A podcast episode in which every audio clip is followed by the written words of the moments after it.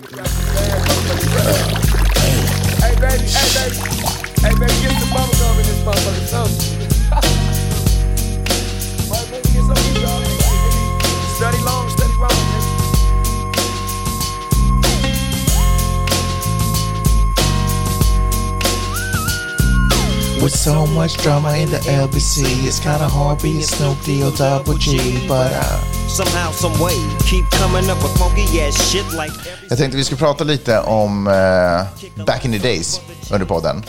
Men eh, vi, vi, alltså, vi har ju pratat ganska mycket om patriarkatet i den här podden, eller hur? Men kan inte du känna att Snoop ändå på något sätt alltid är lite förlåten? Ja, fan det måste man ju erkänna. Varför är det så? Är inte det konstigt? Kanske för att han verkar vara Varför så får han- otroligt soft snubbe liksom. Bara för att han alltid är hög? Han är liksom Ja, lite men jag förlåten? det. Han är lite så här soft hela tiden. Så han är väl gift, han är väl otrogen hela tiden, men han är väl gift fortfarande med samma kvinna. Ja. Han har ju barn, barn vid det här laget. Ja, det är han säkert. Det är väl inget försvar. Nej. laid back.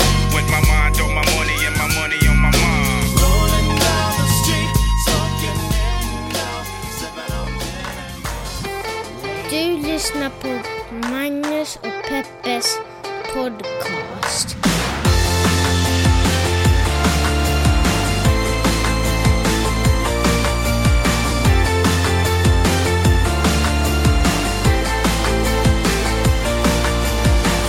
Hallå internet! Hjärtligt välkomna ska ni vara till podden som heter Magnus och Peppes podcast. Ni vet den där podcasten där vi snackar om stora och små händelser i världen och så gör vi det ur ett journalistiskt, feministiskt och mediegranskande perspektiv. What up, Peppe?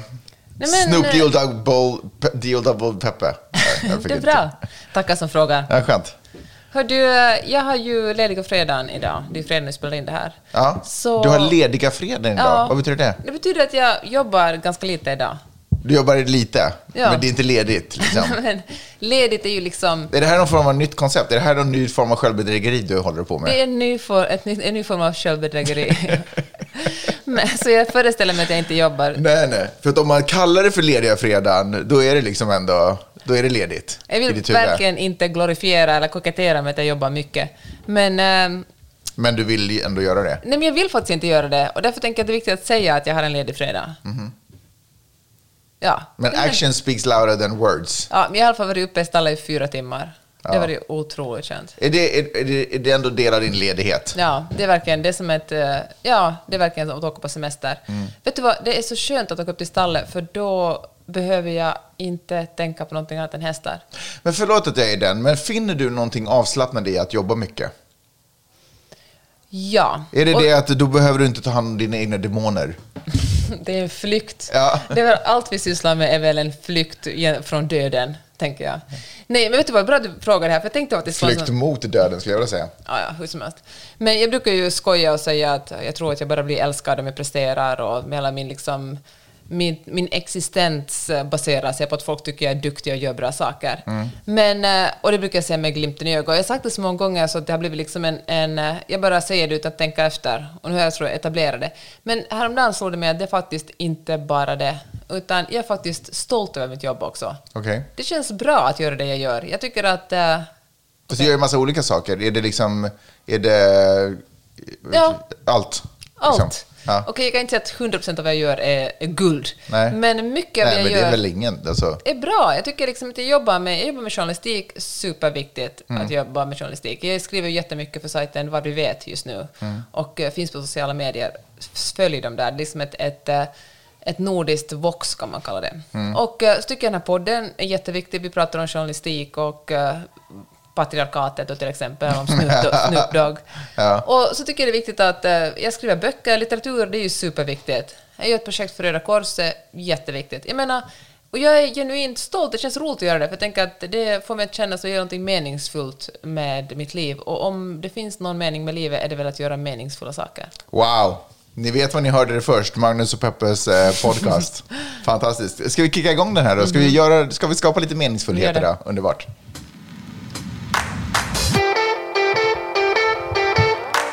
Hörru, det var ju nu drygt en vecka sedan det hände, men jag tänkte att vi kanske ändå tar upp det. Eh, the impeachment of eh, Donald Trump. The impeachment trial. The second. The second trial. impeachment, ja faktiskt. Så, så var det ju ställt. Trump ble, blev ju friad. Eh, Eh, de, lyckades inte få ihop tre, eh, två tredjedelar av, av senaten för att, för att döma Trump.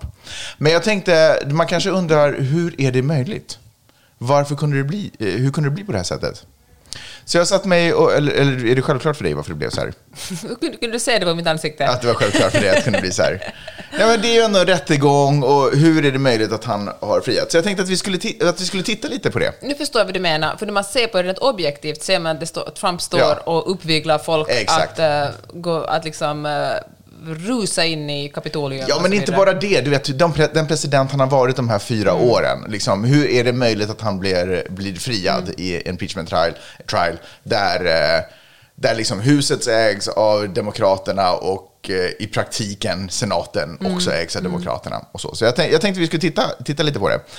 Eh, tre, nej, fyra saker har jag, har jag listat för varför det blev som det blev. Det första är att det var tveksamt konstitutionellt att döma en, att döma en före detta president.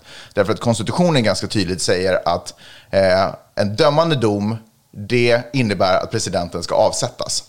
Man har liksom inte egentligen så många fall där en icke sittande ämbetsman har blivit impeachad. Granted att han de facto blev impeachad under den tiden han satt och brotten han är anklagad för är ju saker som har hänt medan han var sittande president. Men, men, eh, men det, det, är liksom, det är en av anledningarna till att det inte var helt självklart att döma honom.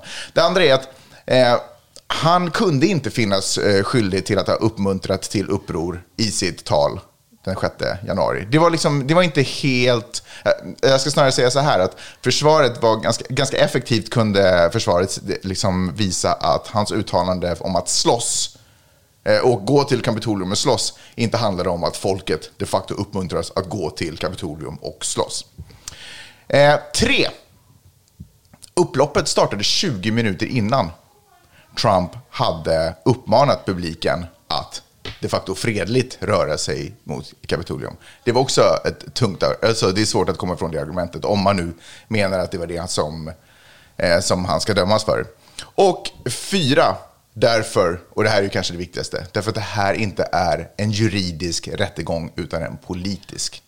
Fallet döms alltså inte av domare, utan det döms av folkets representanter i senaten. Och det är på sätt och vis senatorernas roll att följa sina constituents, alltså sina väljares önskan från det området där de kommer. Och det var inte helt självklart i hela landet att alla tyckte att Trump skulle bli impeachad. Så det är de fyra sakerna. Men jag tänkte också att vi skulle, för, ja, jag säger. Men jag tänker, du måste ju säga att, att det krävdes ju också två Ja, tredjedelar men av senaten. Jag vet inte vad jag, jag kanske nämnde det, men du kanske inte lyssnade. Men det krävdes också precis två tredjedelar av senaten. Jag lyssnar jättenoga, jag är så stolt över att du har förberett något för den här podden. Jag var all ears. Precis som Peppe säger, två tredjedelar av senaten. Och det är inte helt lätt att få, i, få till det. Och de facto är så ju eh, 50 procent är ju bara demokratisk i senaten. Men det var faktiskt fler senator, eh, republikanska senatorer eh, som man trodde, än, än man trodde, än förväntat, som, eh, som de facto röstade för att Trump skulle dömas för, de här, för de här anklagelserna. Exakt. Jag tänkte faktiskt att vi också skulle titta lite på vad Trump stod anklagad för. Eh, för att jag upplever när jag tittar på media och egentligen också faktiskt när jag tittade på de här, den här rättegången som, som pågick då. Det, den, den, stream, eller den sändes ju live på nästan alla nyhetskanaler så det var ganska lätt att följa den.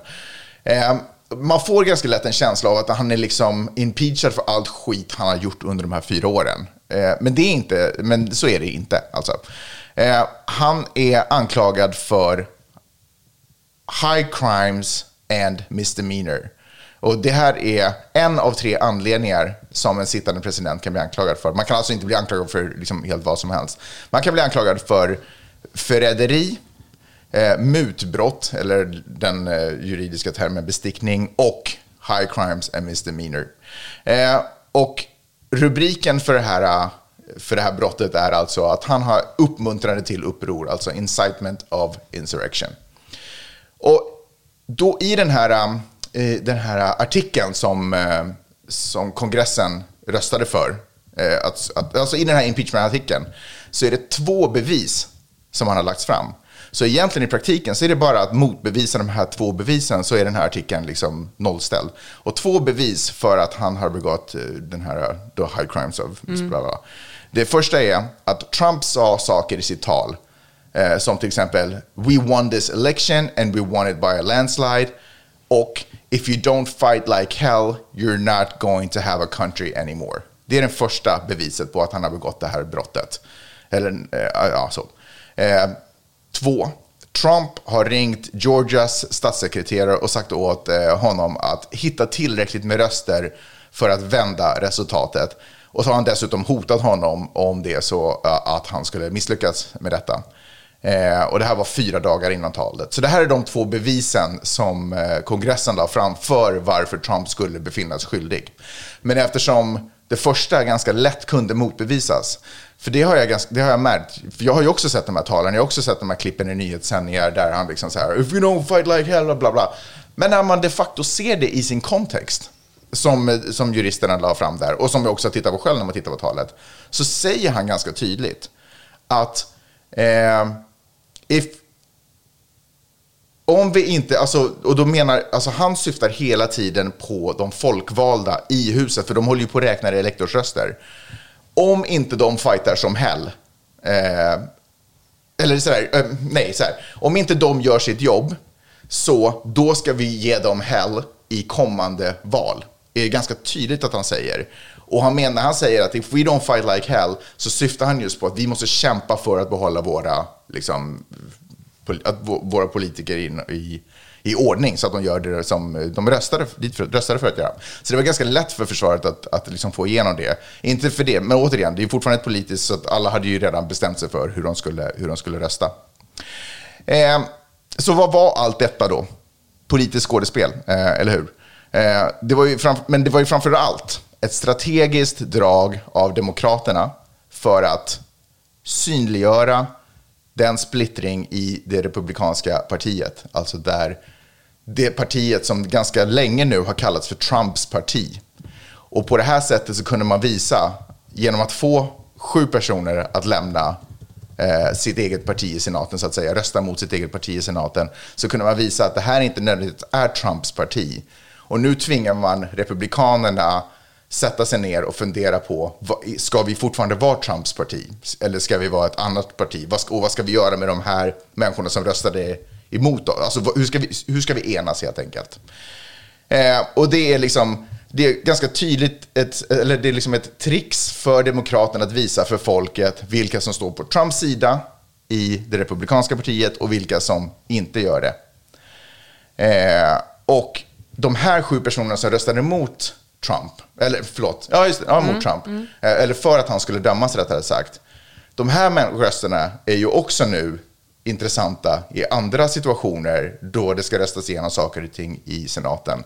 Är det här till exempel personer som Demokraterna kan an- vända sig mot och lobba hårdare inför och liksom flörta ännu mer eftersom de tenderar att vara villigare eh, att gå den andra vägen, eller att gå emot sitt parti, eller till och med att de, är inte, ja, att de är starka nog att gå emot sitt parti. Jag vet inte hur man ska beskriva det. Vissa liksom- av dem kommer ju att äh, avgå. Det var ju någon som skulle bli pensionerad och någon annan som, eh, som också, vad heter hon som är Alaskas äh, Nej, jag vet inte. Men senator? Hon, ja. brukar ju ofta, hon brukar ju ofta rösta så att säga enligt sitt samvete, trots att Alaska är så otroligt republikanskt. Mm. Och nu håller man på att spekulera om Sarah Palin, som ju också är en, som också ställde upp som, som äh, hon kommer från Alaska. Ja. Om nu nästa gång senatsval, om hon kommer att nappa den platsen ifall, för hon har alltid varit väldigt Trump-positiv, om äh, Alaska kommer att rösta ut den här sena, senatorn som, som äh, röstar för att impeacha Trump. Mm. Intressant va? Ja. Otroligt intressant tycker jag att det här har varit. Men jag tycker det som du sa i början, som man måste komma ihåg, att det är alltså ingen juridisk rättegång, det är en politisk rättegång. Det är alltså Och- det är politik, inte juridik, som, som händer. Man talar om riksrätt på svenska, men det är ju verkligen bara politik. Mm. Det som också på något sätt lite framkom under den här rättegången är att, för ett av, för det det som är intressant är att den här andra punkten om att han hade ringt, Trump, ringt att Trump hade ringt Georgias statssekreterare, det la väldigt lite fokus på det. Det var väldigt mycket att motbevisa eh, det här talet, att det inte hade varit eh, på något sätt anledning till uppvigling. Men Georgia kommer ju att åtala Trump för det här Mm. på den juridiska vägen. Det är ju inte glömt den här lilla misdemeanorn. Nej. Utan de kommer nu när Trump är Trump är en privatperson kommer de ju att, att dra honom inför rätta. Precis, för det som då visade sig att man kan inte döma honom i egenskap av att han inte är presi- president, eller att han har varit president. Så det betyder att nu är ju casen mycket mer öppna för att döma honom som privatperson. Alltså om, om det som hände 6 januari är tillräckligt för att han ska kunna betraktas som privatperson så då kan man dra honom inför rätta på det sättet istället. Men han bibehåller ju sina rättigheter som, eh, som före detta president Precis, med, med skydd säker- och, ja. men också möjlighet, Pension. Pension, men också möjlighet att ställa upp i presidentvalet om fyra år igen. För det är väl så här att det finns inga, även om man blir dragen inför riksrätt och, riksrätt och åtalad för olika saker, och till och med om man blir dömd är det okej att ställa då får man ställa upp som president. Men ironiskt nog finns det många delstater där man inte får rösta om man är dömd för vissa brott och suttit i fängelse till exempel. Det tycker jag är spännande. Efter att domen hade fallit och alla röster bara räknade så höll ju majoritetsledaren, nu kommer jag inte ihåg vad han heter. Mitch McConnell, han är Nej minoritetsledare. han, nej, han är minoritetsledare, men, jag också, men- men också majoritetsledaren. För jag skulle, alltså båda höll tal, det var det jag skulle säga egentligen. Majoritetsledaren höll ett tal efter. Chuck Schumer. Ja, just det, precis så heter han. Och minoritetsledaren. Och minoritetsledaren chockade för att han eh, ripped Trump uh, a new one, kan man säga. Jag tänkte att vi skulle lyssna lite på vad han, vad han säger. There's no question, none, that President Trump is practically and morally responsible for provoking the events of the day. No question about it. The people who stormed this building believed they were acting on the wishes and instructions of their president. När först när man hör honom prata, man bara, vad fan säger jag? För det här var ju alltså en man som också då röstade för att Trump inte skulle finnas skyldig för brotten. Och sen helt plötsligt sitter han och säger, står och säger att det här är, att det är självklart att Trump har varit orsaken till riotserna. För att de som var inne i huset, de sa heja Trump. De sa inte heja det republikanska partiet eller inte, de sa heja Trump. Är inte det här ett tydligt exempel på att borde äta kakan och ha den kvar? Ja, 100 procent. Och det är ju exakt vad han gjorde. Och det han har fått... Eh, först när jag var, såg det, jag var så här, woho! Typ sådär, men instinktivt. Eh, för att han säger någonting som jag håller med om. Men eh, sen liksom, eh, fortsätter man titta och så kommer kommentatorer och så förstår man ju att det här är ju, precis, det är ju exakt vad han, vad han gör. Dessutom så säger han att han röstade nej därför att han inte är en sittande president så han kan inte dömas. Men då, den utredningen hade de redan gjort i, i huset. De testade först, är det här ett fall som kan gå upp till senaten? Och det röstades ja på det. Vilket betyder att man redan har godkänt det faktum att Donald Trump kan dömas för detta egenskap av en sittande eller ex- eh, ex-president. Eh, men, eh, så det här var verkligen en eh, sådär bitch out move. Att Eh, jag gör, jag, alltså fegar, jag gör som, som den stora gruppen säger. Eh, men sen så vill jag ändå på något sätt gå till, försöka gå till historieböckerna med, eh, eh, som om jag v- var emot det här. Men eh, tror du också det handlar om att han för- försöker ta sig ifrån eh, Trump-republikanerna? Alltså han försöker göra en, eh, liksom heja på, elda på liksom en annan del av the good old republikanerna innan Trump. Mitch McConnell har, anses, har, har, eller brukar beskrivas som en sån här eh, eh, sjukt eh, makt...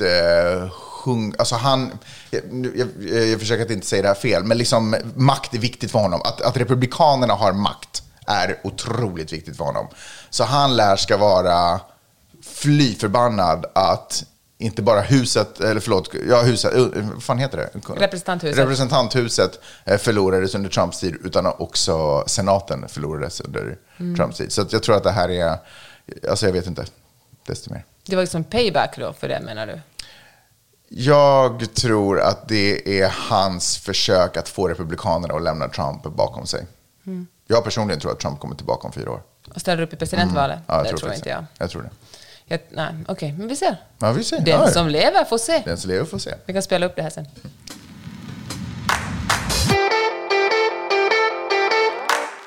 Hör du, jag har skrivit om eh, klimakteriet. Wow! Och eh, Bao! Tack för entusiasmen. Nej men alltså, för min teori är att klimakteriet är Kommer det som... hända. eh, Att det kommer att hända. Det är, det, är det det nya stora? Nej, men det ser som det var mensvåren för några år sedan. Nu har ju verkligen ingen människa Vänta, när var det mensvåren? Nej, men typ när du var i 2015. tonåring? Nej, men när jag var i tonåren, då var det lite så skamligt att tala om mens. Alltså. det det? Nej, men gud. Är har det, verkligen- inte, är det inte din generation som har gjort alla de här sakerna pratvänliga? Ja, 20 år senare liksom. Men Mm. alltså när jag var tonåring, då var det sådär, oh, då man var liksom, ja man skämdes lite över att ha mens och jag hade ju otrolig mensvärk så jag var tvungen att gå hem från skolan en gång i månaden för att jag svimmade av smärta. Mm, du skolkade och, eh, alltså. då på den tiden var det bara Du sådär behövde att, gå hem och jobba. Då hade du inte tid att sitta en jäkla skola. Du hade artiklar som skulle skrivas, klimakterier som skulle redas ut. I alla fall så kom Liv Strömquist och en massa, typ Therese Lindegren var inte en youtuber, och en massa Mm. annat, nu kanske jag säger fel, men i alla fall en massa svenska influencers och uh, serietecknare och, och kulturpersonligheter och skrev böcker och serieböcker och pratade om, om mensen. Mm. Nu för tiden finns det till och med på tunnelbanestationer finns ju en sån här, du har säkert sett dem i Stockholm, på en eh, skridskoåkande, en, liksom en, en illustration på en kvinna som åker skridskor, den är svart och vitt och så har hon liksom en röd fläck på sina trosor, hon lyfter benet och för att snurra runt. Nu för tiden?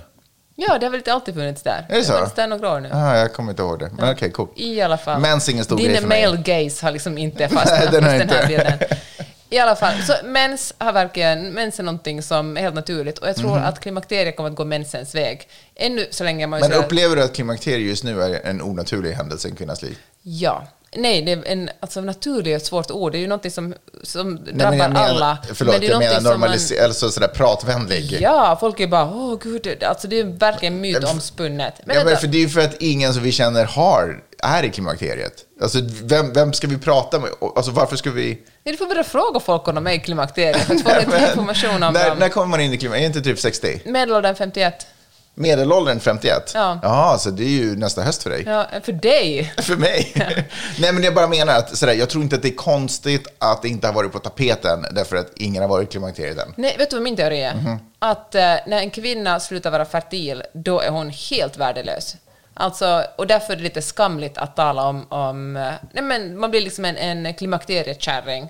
Man bara, nu har Nej, du... men, är- nu nej, över, ingen har någonsin kallat min morsa för klimakteriekärring. Inte henne. Vad vet du om den saken? Nej. Och för det första... Och framförallt har jag inte gjort det. Det står att Diana är så underbar att ingen har någonsin sagt ett ont ord om henne under hela hennes levnadstid. Ingen använder klimakterie som ett skällsord mot någon annan. Det Men där vad är det hittepå. där för killgissande Nej, nu men det igen? ju Det här säger hittepå. ganska mycket om vilken värld du lever i. I alla fall tror jag att klimakteriet kommer det att talas högt om. Alltså klimakteriet, jag gjorde det som intervju med en, eh, jag skrev en text om, om hur man ska träna under klimakteriet. Och, eh, och då intervju med en, en, en personlig tränare och hon sa, hon är svensk ursprungligen men hon bor i Finland, och hon sa att i Sverige tycker hon att där, där talar man, de senaste åren har det skrivits böcker, det finns klimakteriepoddar och och säkert klimakterierum på Clubhouse. Men i Finland är det ännu sådär, oh, vi, nej, nej, nej, allt är bra. Det, för det finns fortfarande en skam för att bli äldre och ha liksom övergångsåldern. Nu går man över från att vara infertil kvinna till att bli helt värdelös. Det är liksom ättestupan för kvinnor. Gud vad du målar upp. Nej, men det så är det. stämmer ju inte. Det stämmer visst. Nej. Ja, alltså, men- sexismen är stenhård mot äldre kvinnor. Jo, men det är ju inte för att de går in i klimakteriet. Jag hör det, absolut. Det är för vadå då? Nej, men klimakteriet är ju väl ingen grej som någon fokuserar på eller, pratar, eller gör en stor grej av. Men, Men med- man borde kanske, för det Ja. påverkar. Vet du, Men med det sagt, det är ju ingen snack om att du tillhör det liksom, den generationen som luftar allt byke. Alltså liksom verkligen hänger ut all tvätt. Eh, så det är klart att det kommer bli en stor grej. Därför att du och dina systrar i den här generationen inte alls kommer vara tysta om det. Utan kommer, och, och det är ju fantastiskt, det är ju bra, för det kommer ju förstås förklara massa saker för en yngre generation som inte... Men, och den äldre generationen har kanske inte stått och luftat och pratat om det här, men det har väl aldrig varit stigmatiserat. det är stigmatiserat. Jaha, Låt okej, mig fortsätta. okej, okej. För, förresten finns det en, en eh, övergångsålder för män också, men det kan vi tala om nästa Vad händer då? avsnitt. Vi talar det sen. Okej. Genast blir du intresserad Wow, här. cliffhanger, to be Hur continued. som helst. År 2025, alltså ganska snart, Ja. kommer det att finnas en miljard kvinnor som, har, som är i klimakteriet samtidigt. En miljard Hur många finns det kvinnor. nu då? jag, vet, jag vet faktiskt inte. Varför- Lite varför? Men fatta så många personer som lider av det här. Sömnlöshet och vallningar och svett och liksom... Jag fattar, men är det inte liksom, finns det inte folk som är i klimakteriet varje år? Ja, men det finns extra många då. Okej. Och eh, det här har techindustrin insett. Man bara... Techindustrin? Ja, man känner så här att det här, det finns pengar att tjäna här. Mhm. Det finns många människor, det börjar bli liksom inte tabubelagt, kvinnor talar om det, kvinnor är intresserade av vad som händer, hur de kan lindra sina besvär och eh, det finns mycket pengar att tjäna. Så nu investerar folk som galningar. Kommer, man, i, i kommer alla appar. så här appar ta bort like-knappen? För att det kommer ändå inte ha någon funktion, eller? Nej. Hur som helst, du vet så när man är gravid och folk bara åh du måste ha den här appen, du måste ha den där appen, så håller man på och räknar, det här händer i din kropp. Mm. Vad är det för appar vi kan förvänta oss att se som är kopplade till klimakterier? Då? Nej, men jag tänker att man ska säkert sätta in när man har fått sista, men nu hittar jag på det här för att, men om någon vill designa en sån här app om det inte finns redan, men typ så här, när hade du senaste mens? Oj, oj, oj, nu har det varit en paus på liksom tre månader, eller nu har du blött i två Nej, men vänta, månader. mensen upphör väl? Ja, men det är ju inte så där att det går liksom cold Men, men, ändå, men ändå en mens tracker. Men sen går lyssna nu, det är inte så att det bara går sluta som en väg, det är bara att säga som att sluta röka. Utan det, Men- kan, det liksom blir oregelbunden och sen till slut slutar den helt. Peppe, jag måste, jag måste backa bandet. Okej, du har ju uppenbarligen researchat på klimakteriet. Mm. Vad händer med en kvinna när hon kommer in i klimakteriet? Ja, men man... eh, Alltså Man blir av med mensen successivt. Ja. Och så får man benskörhet. Under, under en period av vadå? Ett år, tio år, fem år? Ja, men det jag läste en, en, en, alltså det kan ta upp till 14 år. Då är det riktigt illa. Men vanligtvis kan det ta 5-6 år. Okej, tydligen. och är det, ja precis, okej, för att hormonerna på något Mm. sätt... Eh, Man förlorar östrogen och, liksom, och då kan man äta mer östrogen för att få hålla Okej. sig lugn. Sover man jättedåligt, får mycket ångest. Ofta är det vanligt att läkare blandar ihop eh, depression med, eh, med eh, klimakterie, Mhm. för man blir nedstämd. Liksom. Mm. Och så får man eh, benskörhet också på grund av östrogenen som försvinner. Och därför är det viktigt att styrketräna, fick jag lära mig. Vad säger man? Så du upp i vikt också. Kalcium, dricka mjölk. Ja, men det är väl på i Finland som man hittar, att det finns så himla mycket kalcium Jaha, det i var på i Finland. Okej. Nej, men jag tror att man tillsätter en massa D-vitamin och kalcium, men det finns andra sätt att få kalcium från. Okej. Hur som helst, för jag tycker synd om kossor, därför ska man inte dricka, ska man undvika Mm. mejeriprodukter, hur som helst. Men ehm, ja, så att eh, jag tror att uh, det Men, här så vad är det för spaning. appar man kan tänkas behöva i, som, i samband med att folk med benskörhet och, och svettningar och depression och, och mens uteblivande? Vad är det för appar som kan Men tänkas? kanske man kan kolla vilken, var man befinner sig, liksom. Mm. räkna ut att nu har du inte haft mens på så här länge. För jag tänker att, att sen när mensen är helt slut, då kanske man också går ur klimakteriet om jag har förstått det rätt. Då är man liksom ute på den andra sidan. Just det. Då är man fri. Då är livet härligt. Då blir benen starkare igen. Jag tror inte det tyvärr. Nej. Ja, men... Ja, men Det får väl ändå säga, klimakterie eller inte, stigmatiserat eller inte menar jag, men helsike vad ni kvinnor får gå igenom skit alltså. Det är Men inte, verkligen. Det är ju inte, alltså varför fick ni liksom allt? Det är ju, Exakt. nu, nu lär det då ska finnas något övergångsgrej för män också, så det kanske... men den är säkert soft. Ja, det är så här, man får extra glass på fredagar. Något sånt. Ja. Men ni har ju verkligen, ni fick ju verkligen allt. Ja, verkligen. Alltså fy fan vad jobbigt det är att vara kvinna. Ja. Och plus att vi plockar undan efter er. Och lever med en massa surgubbar. Ja, och vi kan inte ens skylla på klimakteriet.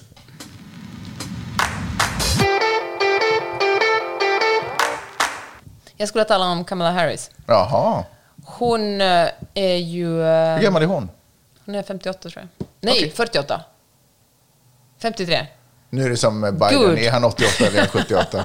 58 är hon absolut inte. Okej, men det är inte viktigt. Men gud, är hon, nära, 50 plus är hon väl. är hon nära Fan. klimakteriet i alla fall? I frågan. Fan måste jag hålla... Och kommer det Ja, påverka hennes ledaregenskaper? 56. Ja, Ja, så, men hon, ganska nära. så hon är nära klimixen? Hon har gått förbi klimmisen. Sa du klimmisen? Ja, jag vet inte, det var sant. Varifrån kom den? Vet du varför den kom från? Strunt samma. Nej. I alla fall. Jag sa, det, jag sa det i ett poddavsnitt häromdagen, tror jag. Jag tror det fastnade därifrån. Hur som helst. Kamala Harris är ju inte bara kvinna, utan hon är ju också svart. Ja, och vicepresident. Och vicepresident. Och, de Och här, mamma. Det finns få... Nej, det är hon inte. Oh. Styvmamma. Aha, okej. Det finns eh, få saker som provocerar män lika mycket som att man är kvinna, man är svart och man är i en hög position. Mhm. Så hon har fått utstå extremt mycket trakasserier, online-trakasserier. Och nu läser jag en artikel på dagens LA Times som står att eh, två månader innan eh, presidentvalet så hade man undersökt eh, sociala medier i eh, fyra engelskspråkiga länder. Och eh, 78 procent av all hate speech som, gick, som var riktat gentemot kvinnor riktades mot Kamala Harris. 78 Ja, hon har ju blivit symbolen för, ja, men, så det, det förstår jag ju. Ja, det är ju inte positivt, det är ju inte kul. Tror du hon bryr sig? Det är klart, det, Klart att hon bryr sig. Det är klart det, alltså jag fattar att hon är professionell, hon går ju, men alltså det måste vara otroligt tungt att utsättas Fast det finns ju väldigt många människor som också älskar henne. Men strunt samma, det, vad är det för ett argument? Nej, nej, nej, det är alltså, inte en, det är inte ett fan- argument, det är en lindring. Det är en, lätt, det är en lin- lindring för henne att Nej, kunna fortsätta alltså, sköta sitt ämbete. Jag ska hålla ett tal om, eh, om eh, hat, näthat gentemot kvinnor om, Mm. om någon månad. Så jag är extra intresserad av att läsa sådana saker. Du är extra aggressiv nu. Jag är extra aggressiv nu, ja. Och det stör mig så otroligt mycket. Det stör mig så fruktansvärt mycket att män hatar kvinnor så mycket. Fine att kvinnor också hatar kvin- kvinnor, Mm. men män hatar kvinnor så otroligt mycket. Alltså, det är inte okej. Vi måste fan råda bot på det här. Men kvinnor hatar ju kvinnor mycket därför att män hatar kvinnor. Precis, för att man är så insugna i- i kulturen. ingen man någonsin skulle hata en kvinna så är det ju ingen kvinna som skulle hata en kvinna Nej, heller. precis så är det. Och eh, men det är så fruktansvärt. Och precis som det går, eh, du, du kommer ihåg när Mi- Michelle Obama var den första hustrun i Vita huset. Det gick ju en massa så här, eh, vad heter det, konspirationsteorier om att hon skulle vara en man. Mm. Det har börjat gå om sam, samma sak kring Kamala Harris också. Och det finns det en teori att ingen kvinna kan komma så långt eftersom man är kvinna. Så då måste man egentligen vara en man Mm. utklädd till kvinna. Jag säger inte att det finns en logik i de här konspirationsteorierna. Men det är på något sätt så men det är så sinnessjukt. Men eh, nu tänker jag säga en sak som jag sagt tidigare i podden, men det får folk bara ta. Alltså, det som stör mig, det är ju fruktansvärt med trakasserierna och män måste verkligen ta och skärpa sig. Men vet du vad som får mitt hat att brinna lite starkare? När jag inte tar upp mina kläder. Ja. när, när du inte flyttar, när du sätter ner alla tallrikar och glas i eh, vasken istället för att sätta dem rakt i diskmaskinen. Men det är faktiskt inte aktuellt just den här gången.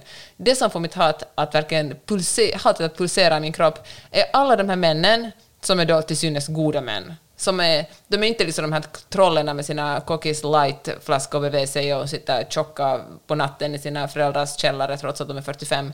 Utan det är de här, de här männen som, som är journalister och, och chefer och, liksom har, eh, och politiker som har höga positioner i samhället och som offentligt är sådär ja, jag tror på jämställdhet och kvinnor och män är lika mycket värda. Men när det kommer till kritan skulle de aldrig ställa sig upp för en kvinna. De skulle aldrig någonsin drömma om att riskera någonting för att försvara en kvinna eller för att ta fighten med en annan man som attackerar en kvinna. För så fort det händer någonting sånt, då backar de försiktigt tillbaka för de känner att det verkligen inte angår dem. Deras feminism är så här så länge de, ja men feminism så länge de inte behöver riskera någonting. Du vet den här Simpson-memen när han står Ja. i en, en eh, rabatt och bara fejdar tillbaka in i Exakt rabatten. det. Det gör mig så frukt... Eller så här, när jag, när jag bråkar med huset, så att folk hör av sig sådär per DM till mig. Vet du hur många snubbar som hörde av sig? Jag var sådär, åh vad bra att du tar fighten. Och jag bara, men det bryr mig, alltså jag kunde inte bry mig mindre om att de tycker att, att de hör av sig till mig privat och säger att de tycker att jag är bra. Om de på riktigt vill att, man ska leva, att vi ska leva ett jämställt samhälle, då ställer de sig vid min sida och tar det fighten, riskerar någonting. Men fan, ingen man är redo att riskera någonting för en kvinna. Nej. Det är så fruktansvärt deppigt.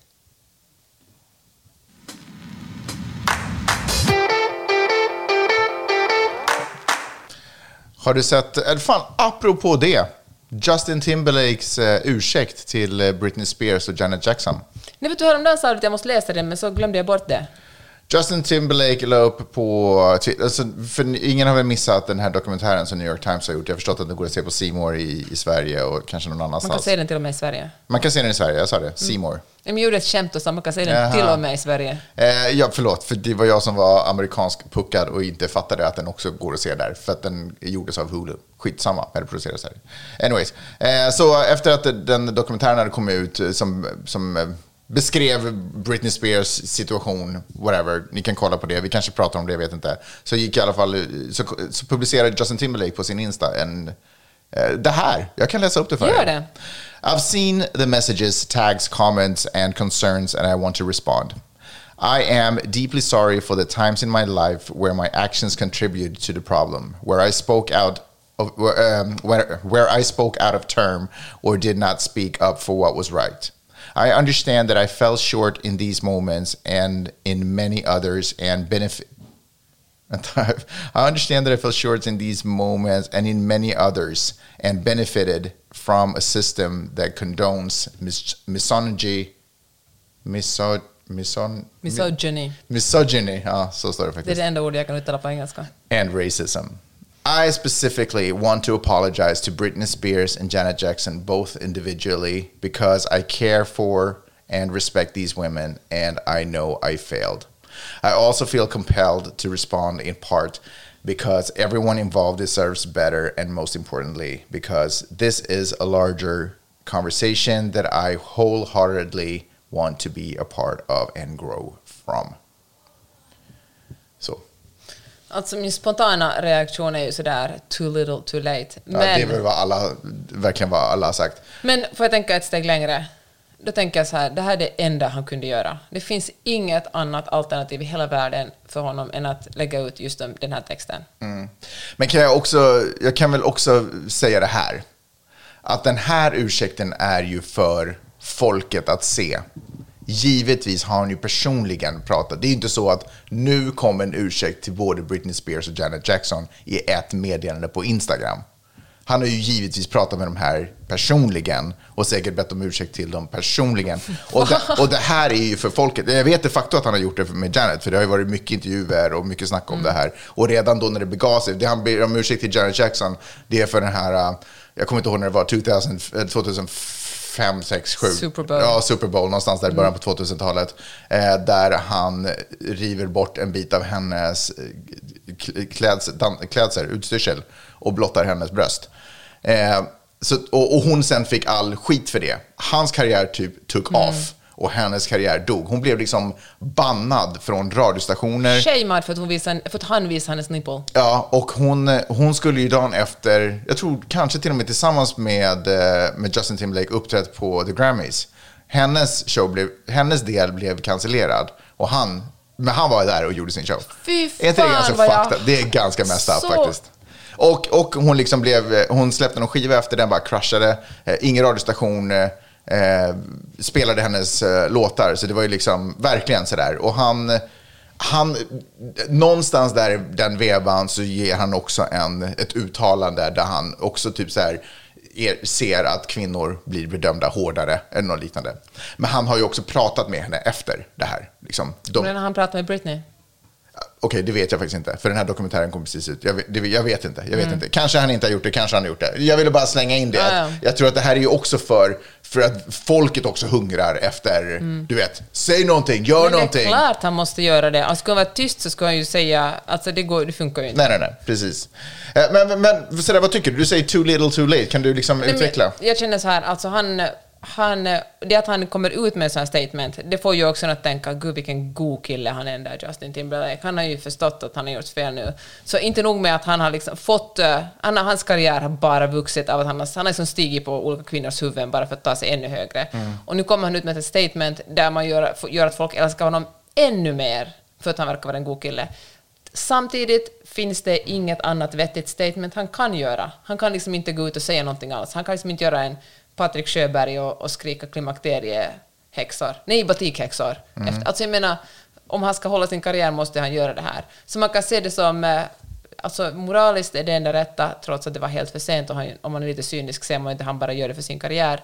Så det var både, jag menar, alltså var det, strate, det strategiskt rätta. Så jag vet inte, Ja, kanske det finns folk som eh, inspireras av det här och på något sätt förstår hur otroligt illa kvinnor fortfarande blir behandlade jämfört och hur mycket som blir dubbel, double standard, skenheligheten och liksom hur män, olika män och kvinnor behandlas i, i offentligheten och privat. Men, Men eh, hör du, får man, inte, man får väl ändå växa som människa och komma till insikt och bli visare? Mm. Det, det får man väl ändå? Det måste väl ändå vara... Det kan väl inte bara... Jag, jag hör too little too late för en enorm skada är gjord. Men om man inte hade gjort någonting, alltså skit i att inte, om det inte ens hade funnits en påtryckning från publiken att han skulle göra någonting. Om man inte hade gjort någonting, eller om Okej. man inte hade vuxit. Okej, så här. Om man inte hade kommit till insikt. Så här kan man säga, vara att det är ändå handlingar som räknas. Om man verkligen tycker det här, gör någonting för Britney då, eller gör en ny show med Jen Jackson, lyft hennes karriär igen. Det går bra för Justin Mm. Hon Timberlake. kanske kan dra bort eller på hans Ja, kläder. Verkligen, visa pungen liksom. Vänster testikel. Ja. Piercad. Jaha, är den det? Hennes. Jaha. Inte, hon har inga testiklar, men skitsamma. snackar om? Men i alla fall. Ja, men det, alltså... ja, ja, han kan ju verkligen, det kan han göra. Om han verkligen Mm. menar det här, då lyfter han Janets karriär igen. Han gör en, en liksom, duett med henne. Han liksom ger dragplåster för henne. Mm. Det kanske kommer. Men kommer man Britney. inte också se på det cyniskt? Ja, men du har åtminstone gjort någonting, han riskerar någonting. Tänk om det floppar. Men då har han riskerat någonting med att skriva någonting eller att säga någonting. Ah, fan, ord. Det finns, jag ser det här som journalist och författare, ord. Det finns så många av dem. Mm. Men hörru. Det här, alltså, det här argumentet med att men det var en annan tid. Du, du skakar på huvudet. Nej, alltså det var, man förstod kanske inte bättre då. Nej. Men, men man hade en hjärna, man kunde tänka. Alltså, man, Man hade en hjärna man kunde tänka. Men, Nej, men om, man hade- om ingen tänker, det, kan man verkligen förvänta sig att just en specifik person måste göra det? Ja, det är så vi kommer framåt i världen. Ja. Jo, jag vet, jag förstår. Och Men vi har ju man- kommit framåt i världen. Ja. Det var en annan tid. Ja, det var en annan tid, men det, var en, det gör liksom inte det mera rätt. Då har man ännu mer att kompensera för när man lever i, den här, i samtiden. Jag har... Stig åt sidan, ge plats liksom. Just nu, alltså, det är ju också det här att män, män som gör det som Justin Timberlake gör, gynnas ju ännu mer av det. Alltså, han kommer att få extremt mycket kärlek för det här. Han liksom dubbelgynnas. Jag, vi tittade ju på den här Britney-dokumentären och en grej som jag slogs, och vet, eller det har ju varit, det, fan det är många saker jag vill säga nu, för att dessutom så skulle jag vilja ta upp Chris, heter han Chris Harrison? Han som är Bachelor. För du låtsas att du inte vet vad han heter. Vi tittar på 18 av Ja, jag vet, men jag var osäker, jag var osäker på om det var Harrison han hette. Om det var Harrison han hette i efternamn, men skitsamma. Så han är ju blåsväder. Han har ju nu gått ut i ett uttal att han kommer kliva ner från Bachelor, inte för evigt säkert, men ett litet tag. Därför att han var med i en talkshow som drevs av eh, eh, en tidigare Bachelorette. Eh, och då får han frågan om, eh, skitsamma, fucking lång historia. Eh, han försvarar en tjej som hade varit eh, i en situation som, kan, som inte ser snyggt ut, som var typ lite rasistisk. Eh, eller som var rasistisk, inte ens lite, som var rasistisk. Eh, och han försvarar henne eh, på det mest idiotiska sätt. Men ett av hans argument till att försvara var att det här var för tre år sedan. Eh, hon var 18. Det här, framförallt tidsaspekten, att det var en annan tid då. Och helt ärligt, just i hans fall, tre år sedan så var rasism fortfarande vad det är idag. Det är liksom inte, det är inte, det är inte, det var inte medeltiden för tre år sedan. Men jag måste säga, när jag tittade på Britney Spears-dokumentären och framförallt hörde mediaklippen som la in där. Eh, och det här var ju 2006, 2005, någonstans där. Det var fan medeltid. Det var en helt annan tid. Eh, jag har Folk var besatta av om Britney Spears var oskuld till exempel. Precis, och, och eh, journalist, eh, programledare som rakt ut frågar, alltså fan, vet du vad, vi lyssnar på lite klipp. Det här, det här första klippet, det är alltså från, jag tror att hon jobbar, det är en kvinna som, är, jag tror att hon jobbar på CBS, jag tror att det är något, av de här, kanske inte 60 minutes, men någon av de här programmen, eh, som då tar upp en, så spelar upp ett klipp där en guv- guvernörshustru uttalar sig om Britney Spears. Britney Spears has upset a lot of mothers in this country, starting with the wife of the governor of Maryland. Really, if I had an opportunity to, to shoot Britney Spears, I think I would. Oh, that's horrible. Well, she That's really bad. because of the example for kids and how hard it is to be a parent. Well, that's really sad. Hör du vad journalisten säger där? Okej att det finns en galen kvinna som säger så här, jag, jag skulle vilja skjuta Britney Spears. Som är guvernör! Ja, jag vet. Ja, men fine. Det är en sak. Men journalisten förklarar det. Because the example you set for, for parents. And because how hard it is to raise children. Förstår du vad jag menar? Alltså, Och Britney Spears är t- 22 år gammal. ja, men vad är det för ton som media och journalisterna har? Lyssna på det här klippet. Det här är en, eh, från en programledare på en talkshow. Everyone's talking about it. Why?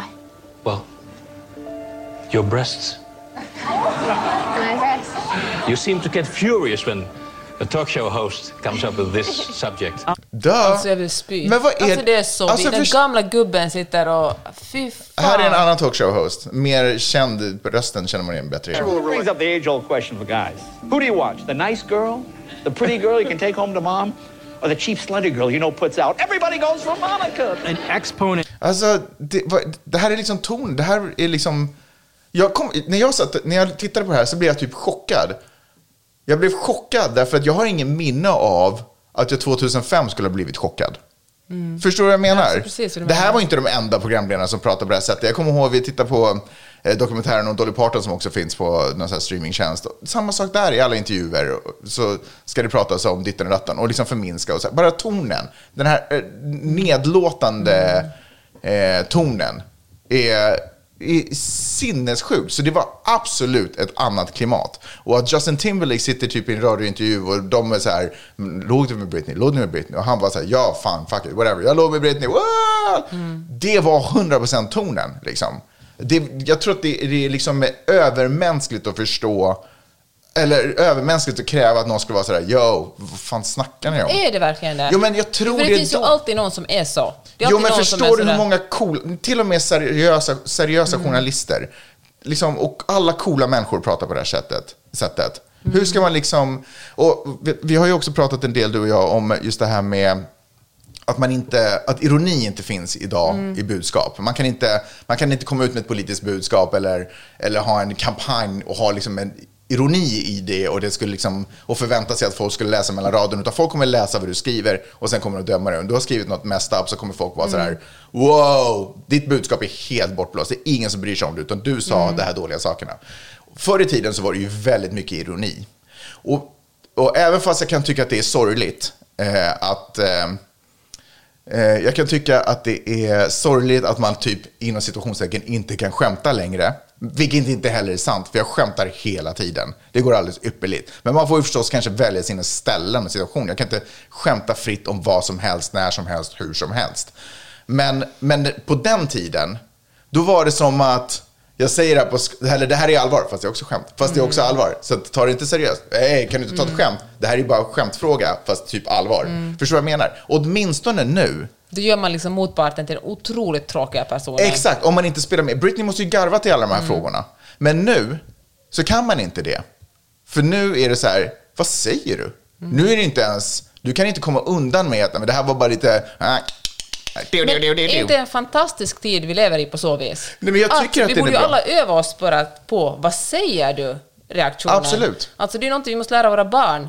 Att när de, någon säger någonting vidrigt åt dem, eller någon säger någonting rasistiskt i en Mm. annan konversation eller på stan, öva dem på att säga men herregud, vad är det du säger? Ja, men jag tycker det är grymt att man nu för tiden åtminstone kan syna folk på vad de säger. Mm. Att det var liksom svårare förut. Man kunde snirkla sig runt Mm. alltihopa och ha alla tänkbara ursäkter för varför man sa just den meningen. Men nu är det som att det spelar ingen roll vilken ursäkt. Om du har sagt det där eller skrivit det där, då är det det som gäller.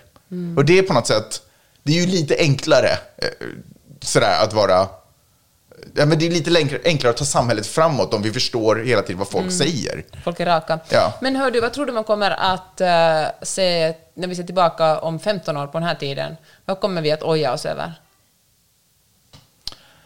Ja, vad kommer vi att oja oss över? Jag vet inte. Jag tänker så här, köttindustrin, hur vi äter kött. Men det är, det är fine, det är en annan kategori. Mm. Men jag tänkte säga, först vill jag säga influencers, hur vi ser på influencers. Liksom, influencers de gamla Britneyna? Har vi liksom en, på något sätt en... ehm, ja, men ser vi ner på influencers? De bara håller på med sina jobb och vi tycker att de är Jaha, du menar hur vi kommer betrakta... Alltså sådär, Ja. om, jag, om jag hade suttit om tio år och spelat Ja. upp klipp och så är det från vår podcast. Hur vi snackar om liksom Margot Ja, just det. ja. Eller- Nej, nej, jag tror snarare, de facto så tror jag faktiskt att det är influencerna som man kommer att spela upp. va? Hur kunde folk säga sådana här saker? Hur kunde man, folk pra- hur kunde man prata om de här grejerna? Det var min nästa tanke. För visst är det sinnessjukt att man säljer grejer Med tjejer. med tjejer? Ja, faktiskt. Nej, men att folk... Se, fast alltså, det är så normaliserat nu, men om man ta- backar ett steg, att, att sälja grejer med sig själv, sin personlighet. Att, man, att vi lever i ett så otroligt kapitalistiskt, sen, ka- neokapitalistiskt samhälle där eh, jag får pengar för att låtsas vara din kompis som vill att du ska köpa grejer. Visst är det alltså absurt egentligen? Det är absurt. Men, ja, jo men det, eller, det är väl liksom också en falang som ska testas och täckas liksom, av vad vi, när vi försöker utveckla och hitta på saker att göra. Alltså jag känner, det är väl liksom ett ben bara som ska växa ut och sen skrumpnar det Sen ihop och dör. amputerar vi det liksom. Ja, men jag tror att det dör ut automatiskt för jag tror inte att det är hållbart liksom. Ja, ja.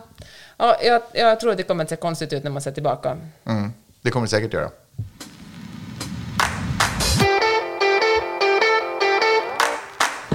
Var det allt vi hade för den här gången?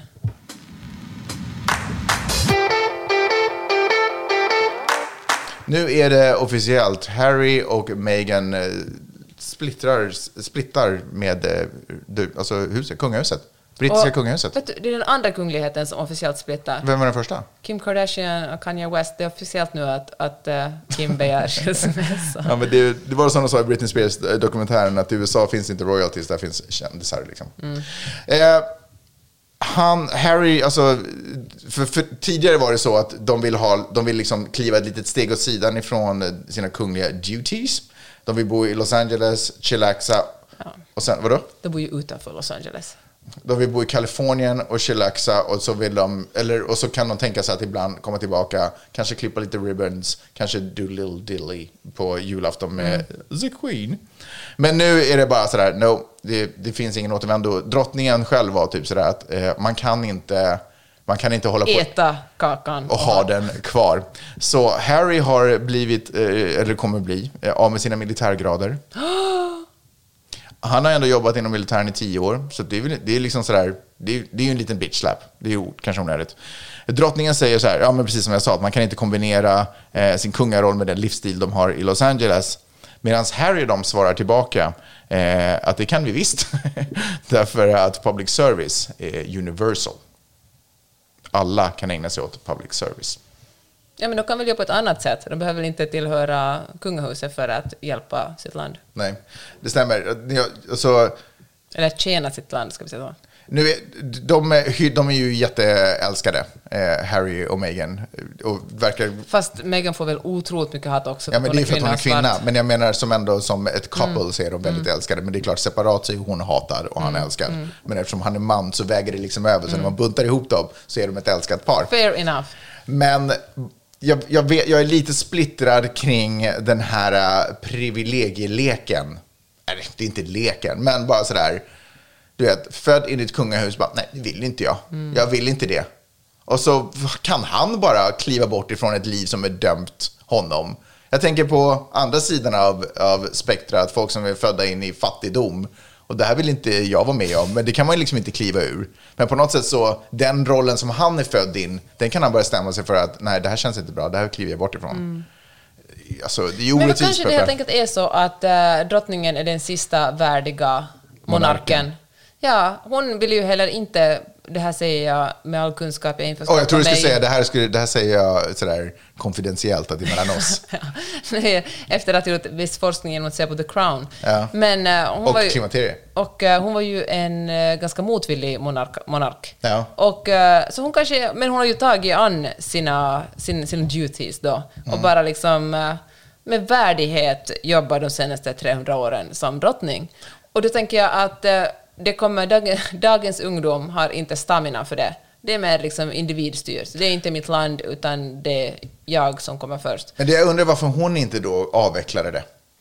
Men det är väl aldrig för sent att avveckla ett kungahus? Nej, nej, vet, men hon har ju som du sa haft 300 år på, 300 år på sig. Eh, Alltså varför ger hon den rollen? Magnus, hoppet är det sista som dör. Hoppet är det Hon sista hade som hoppats på Harry, men, men eh, ja, det blev det som det blev. Nu blev det som det blev.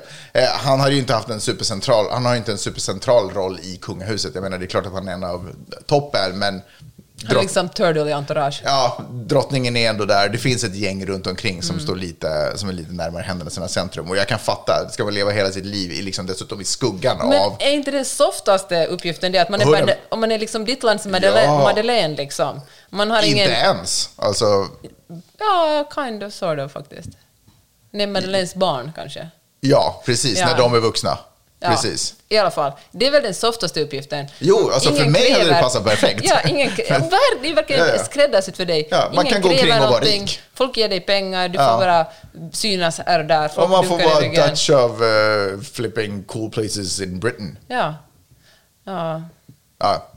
Skitsamma, olika falla ödets lotter som, eh, som någon Hemingway sa. sa. Som Hemingway sa. Hörru Peppe, kul i jul. Tack alla ni som betalar för den här podden. Just det. Det är otroligt fint att ni vill betala för innehåll och vi ser er. Vi ser varje gång vem det är som gör det, vem som betalar. Mhm. Hör du, berätta lite hur man gör för att... eh, berätta lite varför. Vad är poängen? Alltså, vad, Poängen är vi har ju ett betalsystem. Vi har betalsystem Den och här är podden är frivilligt. inte gratis. Nej, men vi tror att folk på frivillig basis kan betala för väl researchade podcaster till exempel, eller Mm. content helt enkelt. Så vi föredrar att ha ett sådant system istället för att ta in eh, samarbetspartners så får folk att konsumera ännu mer grejer. Så hur gör man då för att eh, få vara delaktig i framtiden? Då kan man gå in på Paypal. Mm. På Nu hade vi där adress. Det var en Ja. konstig adress. Ja, Jag får lägga upp den på min blogg och på... Fan, vad ska vi lägga? Facebook? Var ska vi lägga upp den? På iTunes kanske, när vi beskriver vad som händer i det här avsnittet. Där kanske vi kan lägga in den. Just det. Eller så går man in på peppe.substack.com. Där kan man också prenumerera på den och då prenumererar man på mitt fantastiska nyhetsbrev. Just det, då får man det också. Som numera också har bilder. Vilket är kul. Magnus, det var en gång, första gången jag grundade min, mitt Substack-mail hade jag inte en bild. Mm. Och det var det enda. Du läste inga länkar. Det du gjorde var sa det finns ingen bild här. Gör det." Jag- alltså jag är verkligen imponerande intellektuell. Ja, alltså, Alltså, Ja. hur, hur kan du ens vara ihop med en sån här man som... Eh, vet du, folk frågar mig det varje dag. jag fattar det. Hörni, tack så hemskt mycket för att ni lyssnar på den här podden. Ha en fantastisk vecka. Hej då! Hej!